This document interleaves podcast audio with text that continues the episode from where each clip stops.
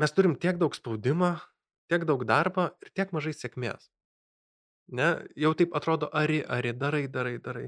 Gauni devintuką, ne? A kodėl ne dešimt?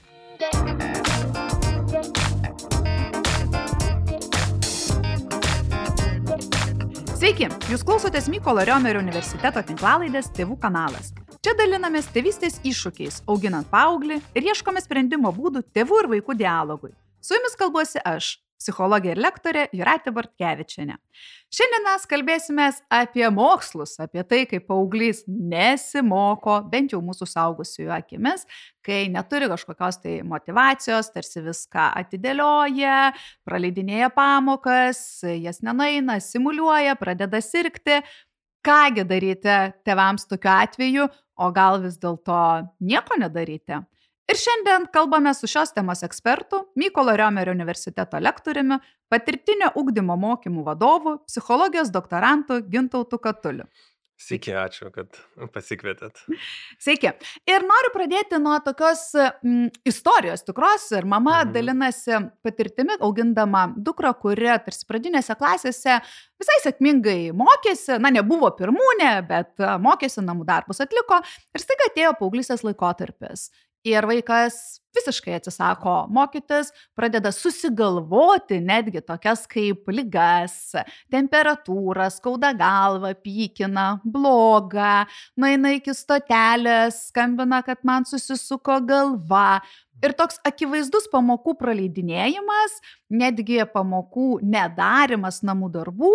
Ir mama stengiasi sėsti kartu daryti tuos namų darbus. Ir pastebėjimas, kad vaikas net nesigilina, net, na, net nenori, jam yra neįdomu ir tarsi tokiu šaltu žvilgsniu laukia, kol pasakys atsakymą. Mama, ne, nu, mama trūksta kantrybė, jinai pasako atsakymą, bent jau kažkokie namų darbai padaryti. Tačiau vaikas ten, kur yra hobis, tas, mhm. kas jai patinka, jie atsigauna. Ji nepraleidinėja, ji neserga, ji tai mhm. Kas čia vyksta? O, gali daug kas vykti. Be abejo, informacijos, kaip čia turim ribotai ir, ir tas dažnai yra, kad norėtume žinoti vieną receptą, kuris, nu, va, va šitą išrašom ir jau visi vaikai mokosi ir, ir viskas gerai veikia ir funkcionuoja ir tada na, atsimuši tai, kad labai unikalios situacijos, labai unikalūs dalykai. Pirmas dalykas, nu man taip iš karto surezonavo mm, tas žodis simuliuoja. Mm. Ir čia labai dažnai išgirstu, va, dirbdamas su klientais iš tėvų, ai, nu va ten apsimeta, simuliuoja, žodžiu. Ir kartais iš tiesų yra simulacijos, bet kartais yra tikrai psichosomatikos ta galva ta galvos skausmas nebūtinai yra išgalvotas, jisai gali būti labai realus, labai jaučiamas ir, ir tuo metu gali tikrai atrodyti paaugliui, kad šakės, nu jo, turiu priežastį neiti. Tai yra mūsų kūnai yra išmokę labai sėkmingai vengti dalykų, kurių galbūt bijo arba kurie kelia ypatingas įtampas. Tai čia Vienas momentas, jeigu staiga prasidėjo staigus mokyklos vengimas, tai nu, man tai pirmas, pirmas klausimas, o tai kas ten vyksta? Mane labai sudomino jūsų tas apie simulaciją, aš čia dar norėčiau mhm. paklausti.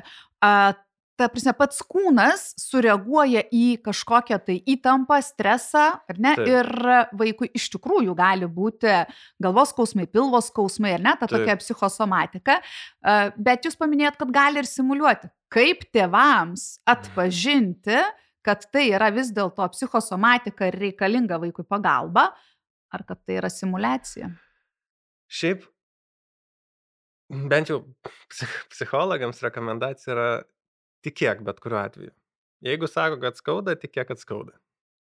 Uh, jeigu būtų viskas gerai, tai nemeluotų žmogus. Tai net neprisileisti tos minties, kad tai yra simulacija, bet atkreipti jau dėmesį į tai, kad kažkas vis dėlto vyksta ir mano vaikui reikia pagalbos. Taip, jeigu vaikas pasirinko neiti į mokyklą ir ieškoti visų būdų ją neiti, nu, tik, tai reiškia, kad tikrai nėra dalykai gerai. Nu, tai nėra, kad, ai, nu čia šiaip išsigalvojo, ai čia dar kažkas. Gali būti gausybė, gali būti kažkokie socialiniai dalykai klasiai, pavyzdžiui, kažkokia įtampa susipyko su kažko įtampa su mokytojais. E, turėjau vieną pavyzdį. Mm.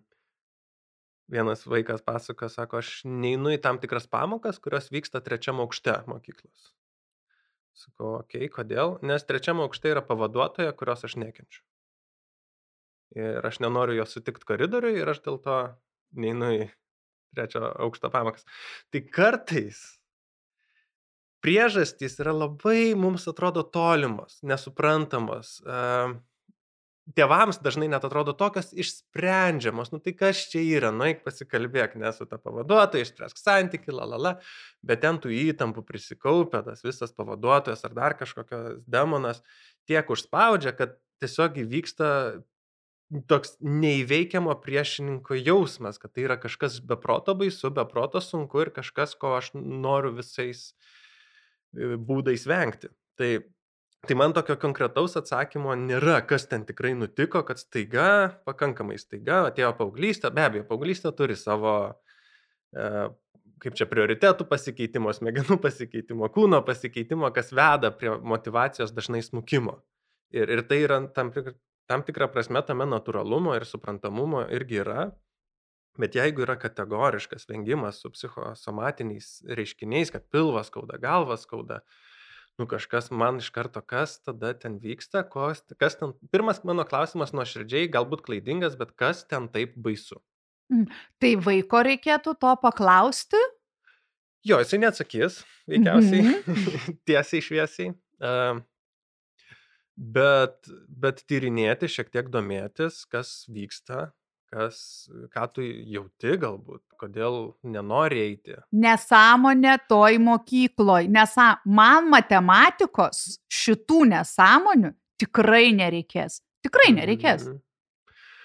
Jo, ir, ir be abejo, bet kas po tą nesąmonę slypi, kas nesąmonė, ne? kodėl nereikės, o kaip su mokytojas sutarė, kaip su klasiokais sutarė. Normaliai.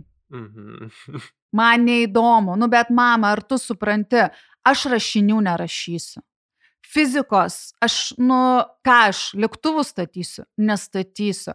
Nu, tai yra laiko gaišimas. Tai yra visiškas laiko gaišimas. Mhm. Ir tai turbūt kalba ne vienas paauglys teisingai. Jo, čia yra toksai pasipriešinimas, gynyba ir, ir su ją tikrai nėra lengva, nes tada dažnai svyra rankos, tai ką čia dabar daryti, tai čia nieko, tai daryk, ką tu nori tada. Arba tada kita priešingoji geležinė ranka, eis ir viskas. Ir toksai, jo, tikrai tame nėra lengva ir paauglys dažniausiai, jeigu galės, ieškos būdų, kaip tėvam apsunkinti gyvenimą vienai per kitaip. Ir iš tiesų Labai nepaprasta. Labai nepaprasta prieiti tos temos dėl to, kad paauglys pats ne, dažniausiai, dažniausiai pats net pažįsta, pats negali savo įvardinti paprastai, jo čia yra šitas ir aš to sąmoningai nesakau. Iš tikrųjų, papra, dažnai būna nuoširdus labai atsakymas, viskas normaliai. Arba čia nesąmonė. Mes galim suprasti plius minus, kad po tą nesąmonę slypi turbūt kažkoks baimės santykių, nepilnavertiškumo galbūt, ar dar kažkokių momentų, bet, e, bet po to tikrai kažkas lypi. Galbūt visai verta netgi su to pačiu psichologu pasikalbėti, gal ne paauglį siūsti, gal patiems tėvam pasikonsultuoti, netgi pasikalbėti, paklausti, kas gali būti. Vat elgesi šitaip, sako šitaip, pabandyti kažkokiu pačiu metodu. Be abejo, reikės kantrybės. Čia staigiai nebūna, net, netgi jeigu atrandi kas negerai. Tad tai nėra, kad, o, atradau viskas, fainai klikt, išklikinau, pradeda veikti. Tikrai būna, kad Kad kartais tenka likti antrais metais. Mm. Bet tai įsivaizduojat antrais metais, ką pagalvos apie mane, kaip apie tėvą, mamą, mano vaikas liko antrus metus, gal už ausų geriau ištemti? Jo, šiaip baisu. Mhm. Šiaip tai ištemti baisu. už ausų. Aš kartais pagalvoju, vakar kaip tik galvojau, žinodamas, kad čia ateis, aš taip maščiau šiek tiek apie tokią labiau filosofinę mintį ir aš pagalvojau, kartais pažymiai yra labiau tevam negu vaikui. Tai yra toks atsitinka psichologinis efektas, kad e, tarsi pažymiai vertina ne vaiko akademinį sėkmę, bet tėvų tėvystės sėkmę. Nu, jausmas. Taip. Kad jeigu mano vaikas gauna va, ten blogą pažymį, tai aš kažką netai padariau. Nu, tai neinvestavau į vaiką, nepamokiau jo, o gal nepaveldėjo intelekto. Mhm. Čia baisiausia Taip. mintis, ne? kad, o, man taip gerai sekėsi, mano vaikui taip sunkiai sekėsi. Čia sunkiausia, manau, yra. Mhm. Ypatingai, jeigu tėvam gerai sekėsi, o vaikui mhm. mažiau sekasi, teisingai. Labai sunkus jausmas. Ir, ir nėra lengvos išeities su to. Bet, bet suprasti, kad taip gali būti, kad vaikas galbūt iš tiesų turi kitos, kitus prioritetus, kitą prieimą, kitokį mąstymą, galbūt netgi žemesnį intelektą, gal aukštą intelektą, bet nori kitaip jį naudoti. Yra labai daug dalykų, kur paauglystiai prasideda paauglio unikalumas, jisai pradeda skleistis, jisai tampa nebe tėvų, kaip čia darinys, jisai tampa unikalus savęs kūrinys, kurį kuria ne tik pagal tėvus, bet pagal aplinką, pagal draugus, pagal realiai kultūrą, socmediją ir taip toliau. Tai yra daug dalykų, kurie formuoja ir jisai nori atrasti savo vietą pasaulyje. Ir ta vieta tikrai gali būti ne tokia pati kaip tėvų.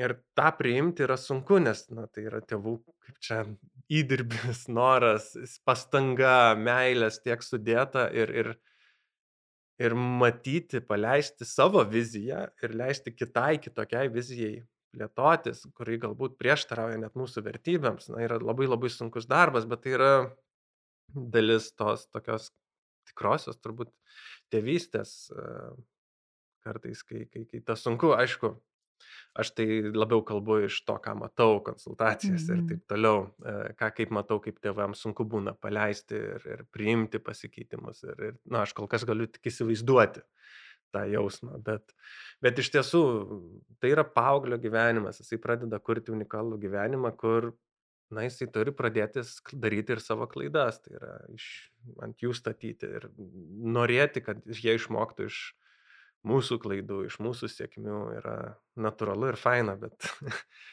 Aš labai gerai pamenu pati save, kai buvau paauglė ir vienais metais aš nusprendžiau, kad man į mokyklą eiti labai nuobodu. Mhm. Tiesiog nuobodu. Ir aš pradėjau mokytis namuose pati, to tą patį vadovėlį skaityti, labiau gilintis, bet neįti į pamokas, mhm. piktybiškai neįti į pamokas, susigalvoti N pasiteisinimų. Iki tokio lygio, kad kartais net būdavo, jeigu ateini į mokyklą, net sulaukia aplodismentų iš klasioko ar mokytojų. Mhm Ir e, iš tikrųjų mokytojai ant manęs labai pyko, mhm. nes kadangi aš tikrai gerai mokiausi ir staiga nebelankiau tų pamokų. Niekas labai nesigilino, kodėl aš nelankau pamokų, bet turbūt jeigu būtų kas nors ir klausė, aš pati nesuvokiau, kodėl aš ten neinu. Tai šiai dienai man tai atrodė laiko gaišimas, aš tą patys mhm. išsianalizavau, ar ne? Bet mano pažymiai krito, krito vien dėl to, kad e, mokytojai pyko. Mhm. Pyko ant manęs, na, kad aš, na, netinu ir natūralu, aš tam tikrų dalykų ir nesužinojau. Ir mano tėvai sulaukė skambučio mhm. iš mokytojų Ir aš labai gerai girdėjau tą skambutį. Mano širdis buvo kulnuose ir dabar galvoju, dabar tai jau viskas. Na vis tiek vaikas, tėvų reakcija natūralu buvo baisi. Ir mama atėjo į kambarį, atsisėdo ir sako, papasakosi. Ką sakau? Sako, matau, kad girdėjai. Nuleidau galvą ir sako, o tu pati supranti? Nu, ką tu darai? Mm, sakau taip. Tada tikiuosi, kad viską pati ir susitvarkysi. Aš tavim pasitikiu. Ir man tie mamos žodžiai, tokie aš tavim pasitikiu, mane taip mobilizavo, aš negavau jokio moralo. Man nebuvo jokio namų arešto, jokio ten dabar penktadieniais niekur tavęs neišleisim. Bet tai buvo man labai labai didžiulis mhm. spyris grįžti į tą pačią mokyklą ir tvarkytis tos reikalus. Tai tas toks buvo. Tačiau mano aplinkoj buvo, kur nebėjo į mokyklą ir labai stipriai praleidinėjo pamokas mhm. ir atsirado didelės spragos. Mhm. Ir tėvai padarė namų areštą, bet geriau mokytis nepradėjo. Taip. Kokia ta tėvų reakcija palankiausia, kad... Šiaip Nėra vienos reakcijos. Netgi, kai žiūri metaanalizės, pavyzdžiui, apie, tai yra gausybės tyrimo apžvalgas, kokie tėvų elgesio bruožai turi geriausią teigiamą efektą vaiko akademiniam pasiekimam, tai autoriai beveik visada prideda, bet ats, turim atsižvelgti į unikalias situacijas ir galimus skirtumus. Tai hm. yra, ir pavyzdžiui, netgi imkim jūsų pavyzdį, ar ne? Tai um, jumis gal reikėjo tuo metu pasitikėti, jūs brandžiai pažiūrėjote, jūs savarankiškai namie mokėtės, e, palaikėte kažkokį pulsą mokyklos, taip ten gavot kažkokį neigiamą, bet bet turėjo pagrindą pasitikėti ir, ir aš įsivaizduoju, kad turėjo tokią gebėjimą mokytis pakankamai nesunkiai. Yra jaunimo, kuris turi pakankamai daug iššūkių mokytis. Ir čia jau pagalbos gali daugiau reikėti, grinai fizinės valandų laiko skirti kartu su vaiku, būti, kartu peržiūrėti kantriai, palaikančiai. Vyresnėse klasėse, kai ten kosmosas tėvams praeiti dar kartą tą mokyklą. Vyresnėse jau būtų sudėtinga. Aš, aš čia labiau gal mhm. kalbu iki devintos. Aš jau manau, ten šeštoj, septintoj atsiranda tokių dalykų, kur mm, sunkiai jau prisiminti tą mokyklos akademiją. Jo, ir tada labai sąžininga būti tam sąmoningu. Tai keletas tėvų elgesių, kurie paprastai yra efektyvūs. Tai vienas yra hmm, pakankamai aukšti lūkesčiai, bet sveikai aukšti lūkesčiai. Tai yra įvertinus, kokia yra realybė, kokios galimybės ir, ir toks, na, vat, natūralus noras, bet jisai neforsuojantis, jisai tiesiog, na, vat, jausmas, kad, vat, plius minus, vat, tokio gerumo tikrai mano vaikas gali mokytis ir, ir nepervargti, ir nekentėti tame, na va taip. Kitas momentas - domėtis. Domėtis mokyklos gyvenimu, domėtis akademiniu gyvenimu, bet jo nekontroliuoti. E, perdėtas kontroliavimas, forsavimas vėlgi smugdo rezultatus. Tai reiškia domėjim... netikrinti namų darbų, nežiūrėti pažymių knygelės? Na, va, nėra vieno konkretaus atsakymo tokio, kad va čia reikia žiūrėti, nereikia žiūrėti. Um, priklauso nuo santykio su vaiku. Šiaip labai daug kas remiasi į santykį, pasitikėjimo santykį, gilumo santykį. Ką reiškia tas pažiūrėjimas į pažymių knygelę. Ar, ar kaip čia, ar nuo manęs bando kažką nuslėpti, kad turėčiau kažką žinoti, ar, ar nori pats prisimti tą atsakomybę. Tėvai turi plius minus žinoti pulsą ir domėtis ir jam turi rūpėti, tai be abejo tas yra efektyvu, bet bet ne, kaip čia, ne mikromanagint. Nes jeigu nu nežiūrėsi tam, tada vaikas sakys, na, mano tevam visai nerūpi, mm -hmm. kaip aš mokausi. Teisingai. Turi rūpėti. Turi rūpėti, be abejo, pasidomėti, paklausti, pažiūrėti, tam patikrinti, pas, paklausti, kaip ten sekasi, ar galim kažko padėti, ar tau reikia galbūt pagalbos. Labiau domėtis, rūpintis, bet neforsuoti, kad atitiktų vaikas mūsų normą. Tiesiog pastebėjus, ar ne, kad, na, sakykime, drastiškai krenta pažymiai mhm. arba atsiranda nelankomumas. Ne, na, tokius dalykus labai greitai tame dieninė tu pamatysi. Taip. Tai tuomet gali būti kaip signalas jau, kad reikia pokalbiui. Visada reikia pokalbiui. Čia, čia toks. Apie kad... mokslus. Šiaip, šiaip reikia pokalbių. Aš kartais netgi labai dažnai tenka, kad kai dirbu su, su paaugliu ir tėvais, Tai namų darbą, pavyzdžiui, kurį duodu šeimai, tai kaip tik nueiti nuo mokslų ir pasikalbėti apie ką pagaliau kažką nesusijusio. Nes, nes labai daug šeimų, kurie ypač kenčia su mokslais, vienintelė tema, apie kurią kalba, yra mokslai. Padarai namų darbus, o tą padarai, o tą dar išmokai, tai dar reikia pasimokyti, tada reikia paskaityti knygą. Taip, visiškai. Ir, ir tada sakau, o tai žiūrėkit, aš jums duodu namų darbą, jūs įsijungsit filmą, pažiūrėsit ir apie mokslus nei žodžio. Negalima, tabu. Gintautai, galit užduoti namų darbą klausytojams? Mhm. Tai namų darbas klausytojams, jeigu yra konfliktinė tema, apie kurią atrodo vienintelė tema, apie, apie mokslus. kalbat, mhm. tai tada skirti, pavyzdžiui, ne tai, kad ne, nebeliesti tos temos niekad, bet skirti sąmoningą valandą kokybiškam laikui su vaiku, ne, nekalbant apie tą temą. Draudžiama. Draudžiama liesti tą temą, nebent pats paauglys pradės pasakotis. E, o ta tema įeina apie pagalvok apie ateitį. Be abejo. Čia irgi apie mokslus yra, ar čia galima apie tai kalbėti? Kad jei nesimokysi, tavęs laukia tam tikra Oi, ateitis. Draudžiama. Draudžiama. E, ko aš taip apskritai pakvieščiau nedaryti, tai yra neteikti žinojimo savo tėvų. Galima kartais, galima klausyti, o ką tu pats galvoji, ne? Bet nuoširdžiai domėtis, ne kad po to sumenkinčiau aš tą planą, ne, nes būna, nu aš ten noriu su muzika dirbti. Eik tu su muzika, ką čia su muzika, nėra karjeros muzikoje, ne, ten. Iš ko tu gyvensi? Iš ko tu gyvensi, va, tu ten matematiką pabaigsi, tai ten ekonomika, čia tai bus jau ten, arba ten IT dabar reikia, nu, toks. Ir tada gaunasi, kad aš kaip auglys pasidalinu, ir tekštantausi gaunu, ne, pasakau, ką galvoju ir tekštantausi. Ir, kas, ir tada mano atsakymai tampa normaliai, gerai, viskas gerai. Kodėl? Nes kiekvieną kartą, kai aš pasidalinu kažkuo, kas man jautru, aš gaunu antausi į labai labai skaudžią vietą. Į labai jautrę vietą, į savo ateities savęs viziją. Tai yra, aš kuriu savęs viziją, aš pasidalinu, kaip noriu save matyti ir kaip planuoju matyti ir bats, šūdas čia, žinai. Mm. Šūdas tas, kaip tu save matai, dabar tu, aš tau pasakysiu, kaip tu save turi matyti. Nu ir tas yra be abejo skausminga. Tai namų darbe tame pokalbyje, ką svarbu tėvams daryti toje valandoje? Domėtis, nevertinti, nekritikuoti, nekomentuoti, Patilėti. paklausti, pasidomėti, papas... dar labai fainas dalykas papasakoti apie savo dieną. Ko Mm. dažnai tėvai irgi nedaro. Pavyzdžiui, plembački, kaip man šiandien sunku buvo. Ten buvau darbė su ten ta kolegė, susipikau, nežinau ką daryti, ne, parodyt, kad ir mes žmonės, nes labai dažnai tada tėvai pradeda kurti tokį iliuzinį visažinių vaizdą, kad čia aš viską žinau, kad pas mane tai viskas ten super sklandu, bet ne, darbė irgi susipyksti, bosui nežinai ten kokiam viršininkui kaip atsakyti kartais, jisai ten pasijauti silpnas, nu, daug tokių dalykų, ką pa- paauglys išgyvena irgi galime mes mokyti per savo patirtį, nu, kad taip nutinka gyvenime, kad čia nėra blogai, kad kartais pasimeti, nėra blogai, kad supyksti, nėra blogai, kad nusimeni, kad jautiesi pažemintas kartais ir nori atsigauti.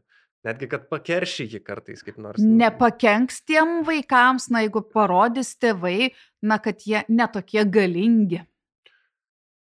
O ko gali pakengti?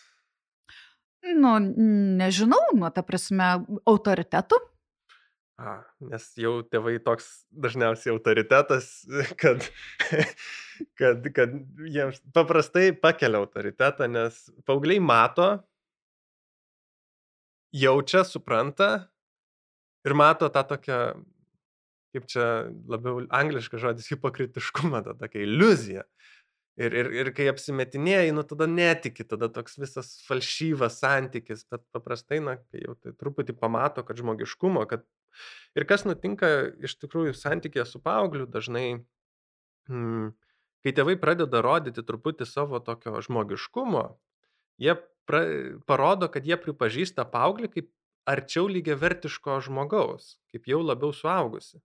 Tai yra kaip žmogų, kuriam aš jau galiu pasipasakoti. Be abejo, tai neturėtų pavirsti, kad dabar paauglys tapo mano vienintelis išklausytojas ir, Draugas. ir draugas ir vienintelis draugas, kuriam aš viską godžiuosi ir pasakojuosi. Yra ribos, yra tėvų, kurie perėjo į tą, kur čia, oi, tu mano vienintelis auksas ir, ir tik tau aš galiu pasidalinti. Tai irgi jau yra. Bet sveikam santykė tai yra kaip su, na, va, tokiu labiau draugu pasidalinti, kad ne tik aš apie tave čia kritikuoju, vertinu, ta, ta, ta, bet žiūrėk, nu ir aš turiu sunkumų, žinai, būna tų sunkumų. Ir tas dažnai duoda, bet, nu čia mes truputį nuėjom nuo to akademinio gal klausimo. Bet ar sumesgus tą patį vat ryšį po tų visų pokalbių, ar yra ir tikimybė, kad vaikai atsigręš ir į akademiją, kai liausimės apie akademiją vien tik kalbėti? Jo, ne iš karto, bet e, jūsų pavyzdį aš pa- panaudosiu, ne, kai pasakė, aš tavim pasitikiu, atsirado kažkas, kad, okei, okay, dalykai mano rankose. Mhm. Ir tada aš jau kažkaip, nu, kažko noriu iš savo gyvenimo. Nebėra poreikio priešintis tėvam, tėvų kažkokiam galbūt režimui, atsiranda toks savęs ieškojimas ir tas be abejo nebus tobula. Nesitikėt, kad, o, čia gražiai pabendravau valandą, tai tu dabar kitą savaitę jau nuliovai varyk.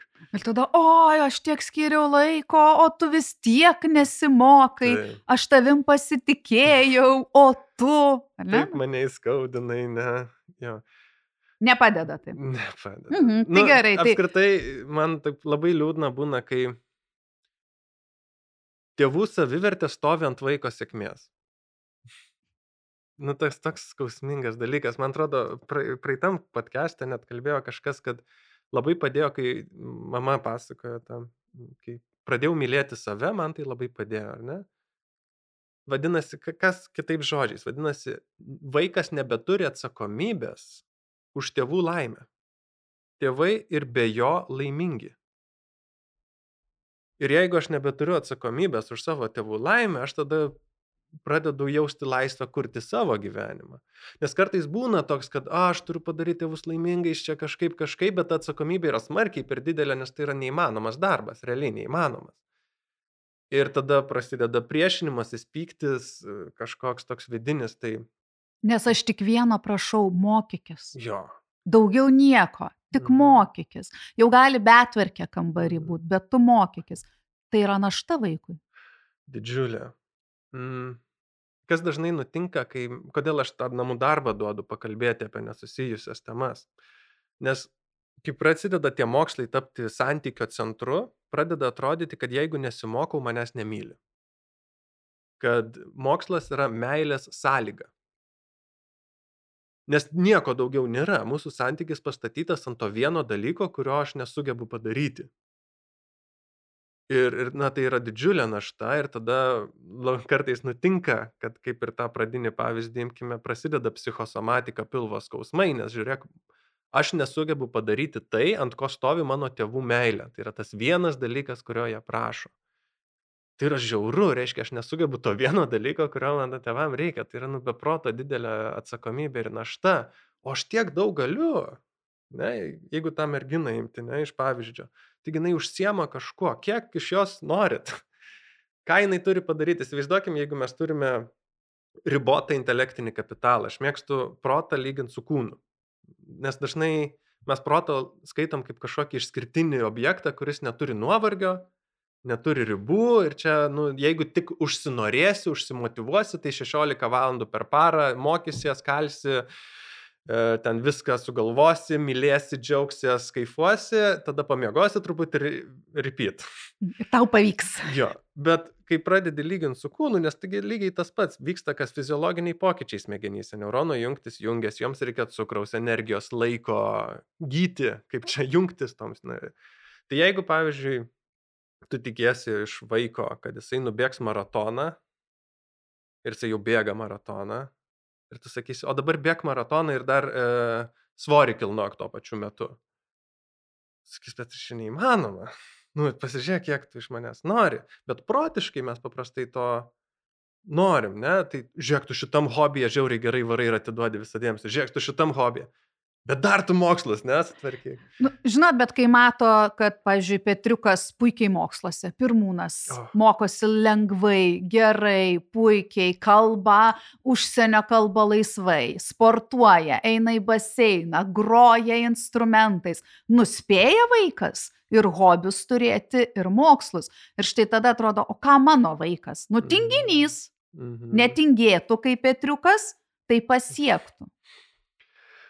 Taip, mūsų vaikas turi būti geriausias. Mes turim būti geriausi e, kasta. Aš ir- irgi viena mintis buvo, mm, neseniai dirbau su viena mokykla, truputėlį ten su jais bendravom ir, ir pasakojo, na va, ten ateina kokios įrangos ir tada tėvai ateina, e, sako, kodėl mano vaikas gavo senesnę, o ne naujausią. Ne? Kodėl pas mane pakliuvo va, ten senesnis vadovėlis, o va, ten pas jį naujesnis vadovėlis. Ir aš pagalvojau, nu, bet tai kiek yra segregacijos? Ne? Kad mano, tavo, žiauriai fainai, kad Petriukui gerai. Žiauriai kietai. Jo, ir, ir galbūt jam išeina, galbūt jisai turi, e, gal turi grinai tiesiog protą, arba ten genetiką, arba įgūdžius nuo kūdikystės susiformavusius, kurie leidžia jam palaikyti šitą tempą. Intensyvaus tempo įgūdžiai, jie neteina, š- vat, nuo rytojaus tu pradedi, ne? Kas būna, vėlgi su sportu, jeigu lyginant. Būna išbėgi, nusprendi po ilgos pertraukos pabėgioti, smarkiai perspaudi ir tada mėnesį nenori daugiau bėgioti, nes skauda viską ir aimanuoji ir prisimeni, kaip viskas skauda. Tai lygiai tas pats su protais. Ne? Mes nuo rytojaus tai pavarysiu, pavarai tą dieną ir tada savaitę, na taip, aš taip sakau, lomkiu, kur tu vėl nebenori mokytis. O todėl jeigu kad- dar ir negavai O pažymio, jeigu dar, tokio? ne, dar neįvertino, jo, iš viso, nu tada žiauru, reiškia, aš šitiek pravargau, buvo taip sunku, mano protas dabar nori atsigauti ir dar net naudos nebuvo. kam save taip arti. Tai, tai pokyčiai vyksta iš lėto. Turiu, vat, vienas klientas, uh, du metus mes dirbam, iki kol atradom kažkokį režimą, kuriame mokykla yra pakeliama. O, ką tai reiškia? Nu, tai reiškia, kad mes į mokyklą pažiūrėjom tokiu rimtumu ir tokiu tempu, tokiais atsakomybės ir laiko planavimais, kad jau tai tapo nu, pakeliama. Ir jau šalia to. Nes e, daž, dažniausiai būdavo tas nuolatinis ciklas. Aš nenuėjau, todėl turiu atsiimti, pariu savaitę, supratau, kad nepairsiu šitaip visą laiką, nes, nu, taip yra smarkiai per sunku ir vėl pabėgu, ne, ir tada vėl mėnesį neinu, tada vėl jaučiu pareigą kažkaip išsikapstyti, vėl savaitę ariu, bet ariu tokiu tempu, kuris man nėra priimtinas ir todėl padūstu ir vėl mėnesiui lūštų. Tai, tai mes ilgai, ilgai dėliojom, kaip čia, nu, vat, kad ne mėnesį lūštum ir kad tą savaitę, nu, neperspaustum, kad, nu, vat, po dvi valandas skiri, ne, ne po aštuonias, po dvi, po vieną, po penkiolika minučių namų darbam. Tai yra vienas momentų, kuris yra labai labai svarbus, uh, kalbant apie mm, mokymosi planavimą, tai yra pasižiūrėti, o kokioj vietoj aš esu, ne kokioj vietoj aš turėčiau būti pagal tėvų arba savo svajones, bet kur aš esu. Kiek, pavyzdžiui, man yra įprasta laiko skirti namų darbam ir jeigu aš nedarau namų darbų iš viso, mm. tai nuspręsti, kad, nu, dabar darysiu visus, nu, yra nesąmonė, nes yra dvi valandos namų darbų, tai yra milžiniškas pokytis dienoje, kurio nepakels žmogus ilgai. Bet jeigu mes susitarėm, okei, okay, padarai, pavyzdžiui, vieno dalyko namų darbą arba dešimt minučių namų darbam, Ne, ir tėvai, nu, vat, užtikrina tokį. Nu, kad, o kaip jiems užtikrinti tėvams, nu, vat. Nu, vat, pasitarti, susitarti mhm. kažkokį, žiūrėk, nu, ar, ar įmanoma susi, suieškoti sandėrį, kuris yra fainas paaugliui ir primtinas. Pavyzdžiui, žiūrėk, nuo dviejų iki dviejų dešimt mes darom namų darbus. Ar tau tai ok? Ir, ir dažnai daugam sakys dešimt minučių, nu, man atrodo, pakeliama. Nieko sutikęs... nespėsiu per tą dešimt minučių. Nesvarbu, vieną užpratimą padaryti per, per metus tai jau bus 200 pratimų. Tai jau bus masiškai daugiau, tai jau bus kiek 2000 minučių. Tai jau bus kiek 30 valandų. Bet atsilikimas dar didės labiau? Mažiau negu didėtų, jeigu toliau nedaryčiau. Tai užtektų pradžiui, jei sutiktų ir dešimties minučių, kad postumis vyktų. Nuo nulio ir penkių užtektų. Bet kas kas yra daugiau negu dariau, jau yra didžiulis žingsnis. Didžioji problema yra, kai mes pajaučiam, kad mes turim staiga daryti. Ne? Čia vėlgi apie tą atsilikimą, vėl palyginsiu su sportu. Ne? Įsivaizduokim, mes lankom sporto burelį, kurie ruošiasi maratonui. Na ir Hebra visus metus ruošiasi, va dabar jau pavasaris, vasara, jau bėgs maratoną. Ne? Ir aš visus metus nelankiau. Ir tada ateinu pas trenerį, trenerį, nu va, jau poryt ten varžybos, tai kaip čia darom su manim? Tai treneris nesakys, nu tai bėgsiu visais maratono. nu, būtų absurdas, nes tu nesiuošiai metus. Sakys, nu tai, žiūrėk, tik bėgs maratoną, tu nubėg 2 kilus. Pradėsim vėliau. Nes, nu tai yra vienintelis logiškas variantas. Tikėtis iš vaiko, kuris nesitreniravo visus metus, kad jisai staiga nubėgs maratoną, tada nubėgęs maratoną dar eis atsiskaityti kitus visus pratimus, atsispaudimus, prisitraukimus tą pačią dieną. Nu yra visiškai absurdas. Ir, ir šitoj vietoj mes į tą absurdą dažnai atsineš, atsimušam, kad mes daugiausiai didžiausios pastangos, didžiausio vyjimosi, didžiausio susikaupimo, pasivyjimo, atsiemimo tikimės iš tų, kurie daug, gali tuo momentu dažniausiai mažiausiai. Nes jie negalėjo pakelti normalaus tempo, mes jiems sakom, nu tai dabar pakelk tą normalių, plus dar pasivyk. Nu ir čia mes turime priimti tą, kad nu nebus taip gerai. Gal, gali būti, kad e, bus šiek tiek to atsilikimo, bet, bet tam tikras progresas lėtas, jisai leis vytis. Jisai leis iš lėto vytis ir, na ir tas, kaip čia tas paauglys, apie kurį pasakojau, nu jisai pradėjo vytis ir jisai jau po dviejų metų pasakė žodžius, kurie man labai patiko, sako, nu, visai pajutau pasididžiavimas. Ir pamažugi atsiranda tuomet noras dar daugiau. Pavyko 10 minučių, gal Taip. įveikiau vieną uždavinį. Ir netgi atsiranda tas toks, gal pavyks man dar vieną, bet aš jau pats to norėsiu, manęs niekas nespaudžia. O žiūrėk, gal dar vieną ir tada, na nežinau, susidurs su sunkumu ir gal savo pasakys, stop nebesuprantu. Bet tai jau Mhm. bus labai nemažai padaryta, ar ne, ir į priekį paeita. Taip. O kaip repetitoriai tokiu atveju? Pagelbėtų? Galbūt. Uh, irgi, jeigu jie sąmoningai tai pažiūrėtų, jeigu santykis geras. Labai daug, su paauglystė vienas dalykas, na, yra, tai mes dažnai ignoruojam santyki.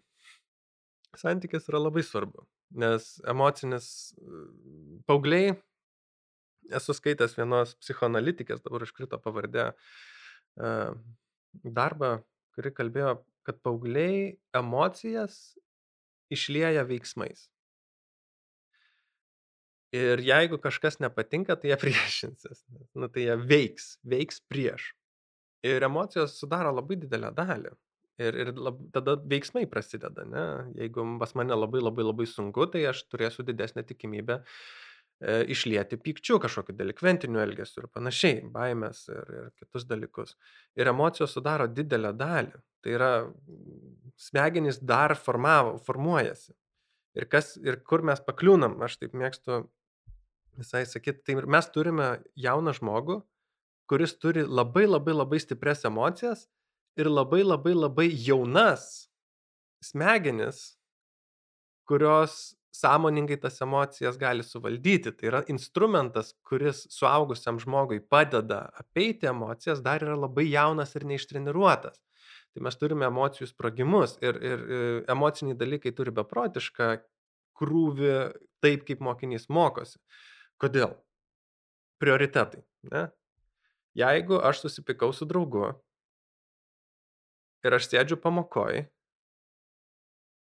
ir man širdį gelia ir man gėda ir nefaina, tai man dzin, ką mokytojas sako. Mums suaugusiems lygiai tas pats. Lygiai tas pats. Ir dažnai mes e, lyginam darbą su mokymusi. Ne? Tarkim, o, bet tai aš susipykęs su draugu vis tiek einu į darbą ir darau savo darbą. Dėl to, ką darai? Darai tai, ką jau moki. Tu darai mechaninės funkcijas. Paauglys irgi eina daryti tai, ką moka. Gamint, žiūrėti teleką, scrollint Facebooką, bendrauti su draugais ir panašiai. Jis irgi eina daryti tai, ką jisai jau moka. Dėl to, kad, kad mes mokytumėmės, mes turime jaustis gerai, saugiai, atsipalaidavę, galintis priimti, todėl kad tik tada mūsų protas priims naują informaciją, kuri yra susijusi, nes smegenys visada ieško, kas joms svarbu. Ir jeigu man svarbu santykiai su draugu, tai aš sirpsiu visą informaciją apie tą draugą, kas man padės išspręsti tą santykį. Nu, Tikrai ne chemija turbūt. Tikrai ne chemija padės ir ne matematika. Man padės išspręsti santykių su draugu, o mūsų protai visada ieško informacijos apie tai, kas mums rūpi. Nežinau, pasižiūrėkim, nu netgi toks labai elementarus pavyzdys demonstracinis žiniasklaida, ne? Įsivaizduokim, na, vad praneštų mums, kad vyksta koks nors didžiulis konfliktas, grėsmė karui.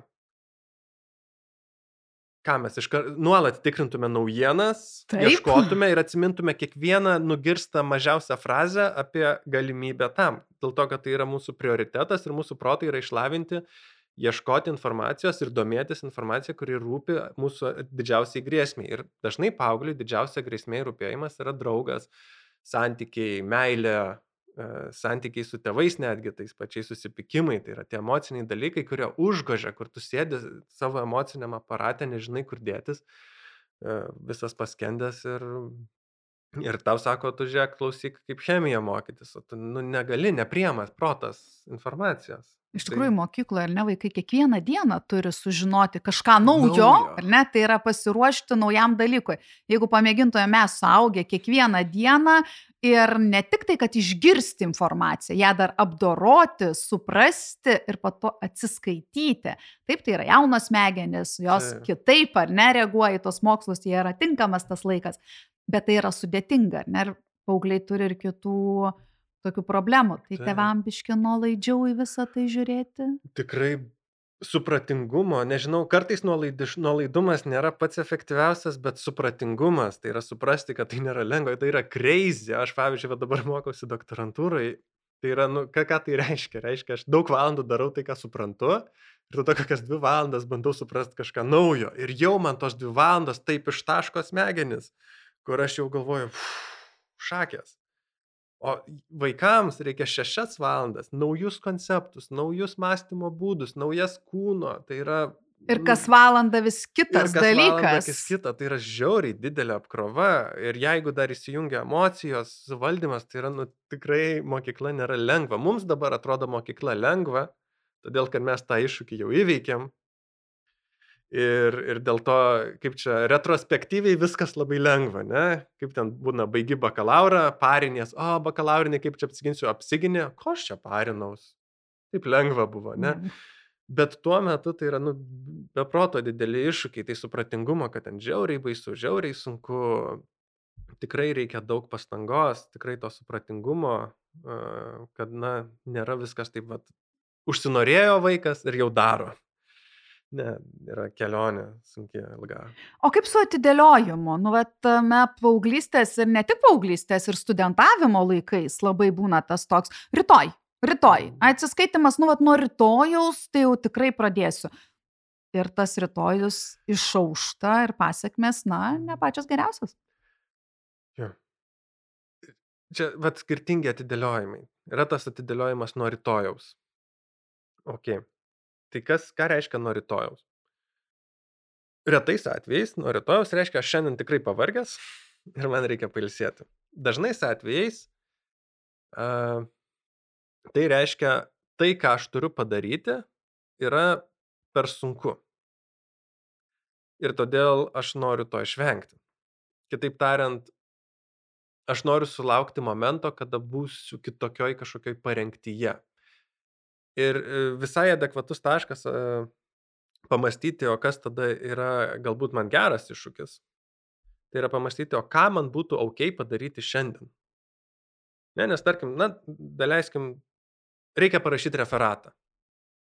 Čia jau neįmu to, nuo rytojus mokytis pradėsiu mm -hmm. ir dešimtukus gaut, bet reikia parašyti referatą, ten duotas mėnuo, ne, ir, ir jausmas, nu, va, rytoj, rytoj, rytoj, rytoj vis ir atidėlioju reiškia, kažkurioje vietoje tikriausiai yra kažkoks nerimas, baime, kad na tas referatas visai sunkus ir aš noriu privengti jo.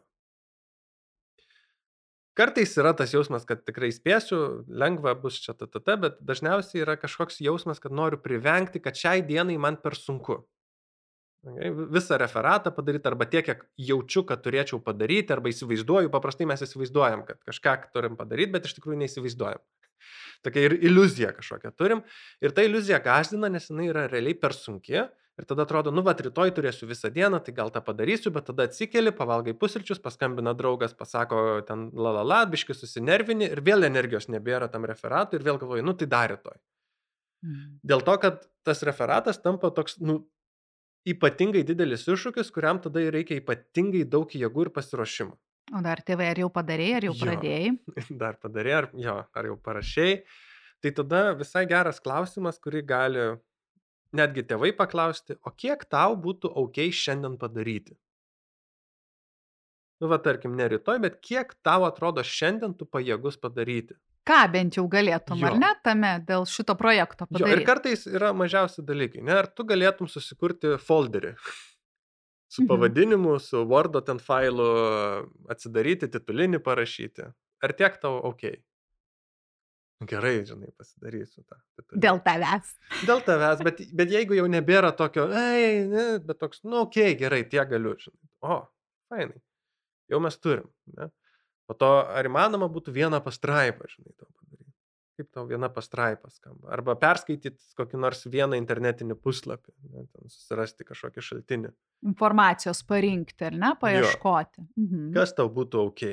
Tai yra, kur tu jauti, kad, nu, vat, vidus tavo nesako, ne, ne, prašau, ne, neliepia, nemaldauja, kad to nedarytum.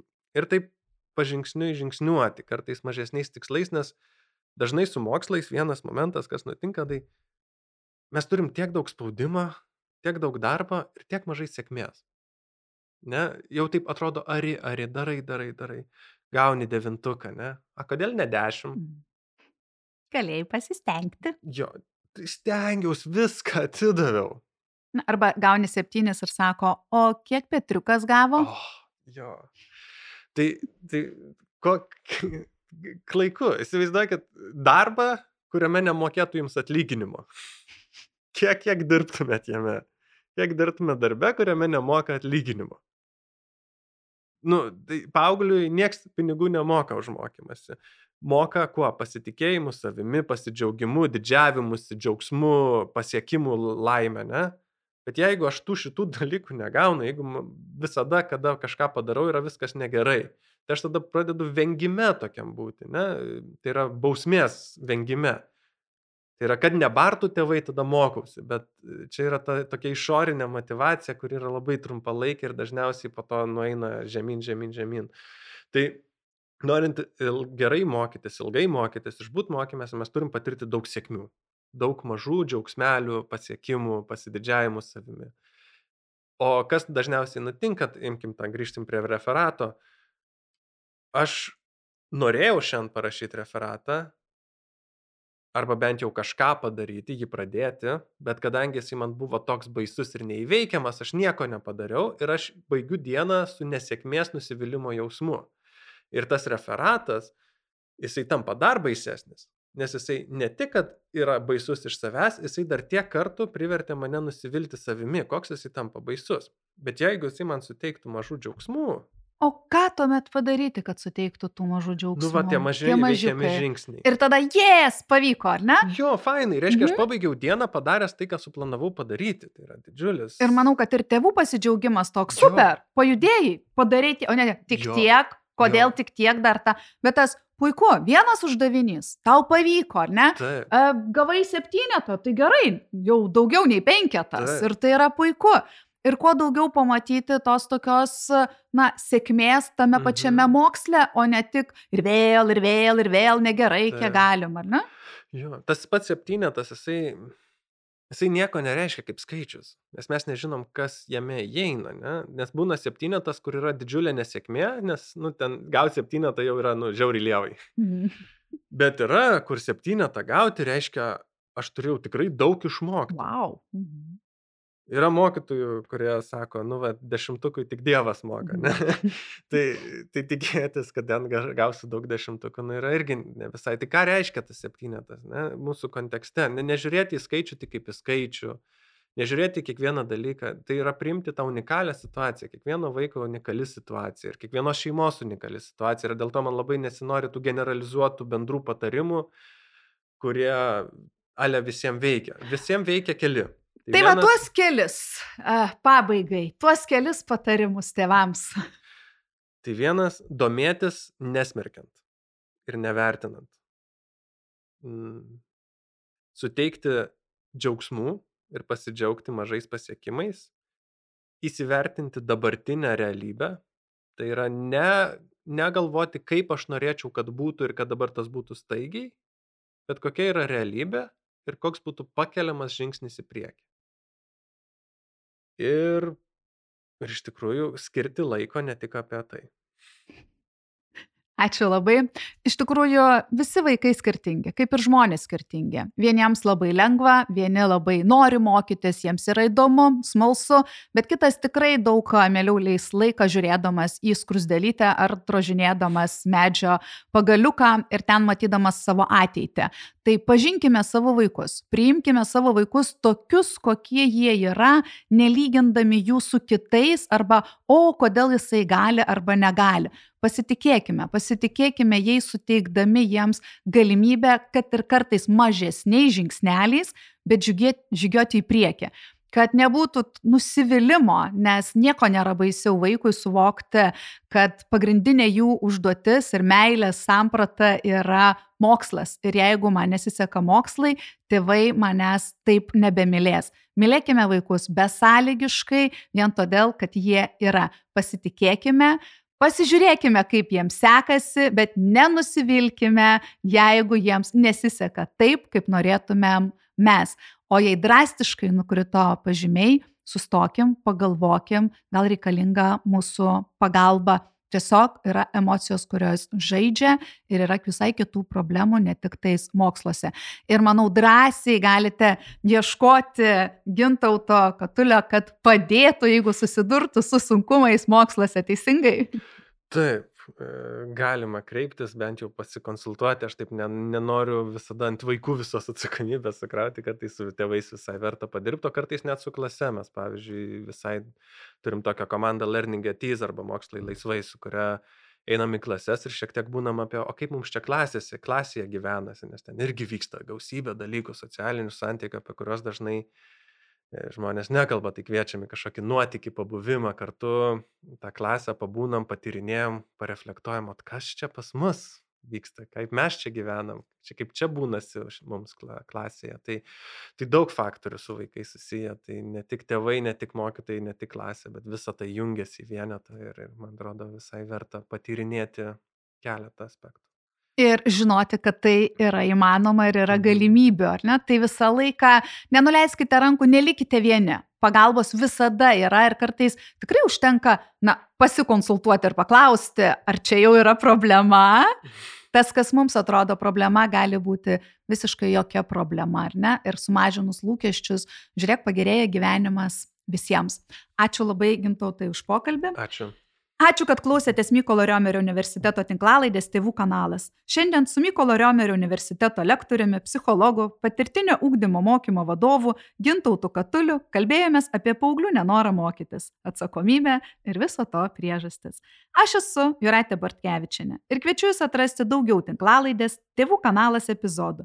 Mykolo Riomerio universiteto paskyrose, Spotify, iTunes ir YouTube platformose.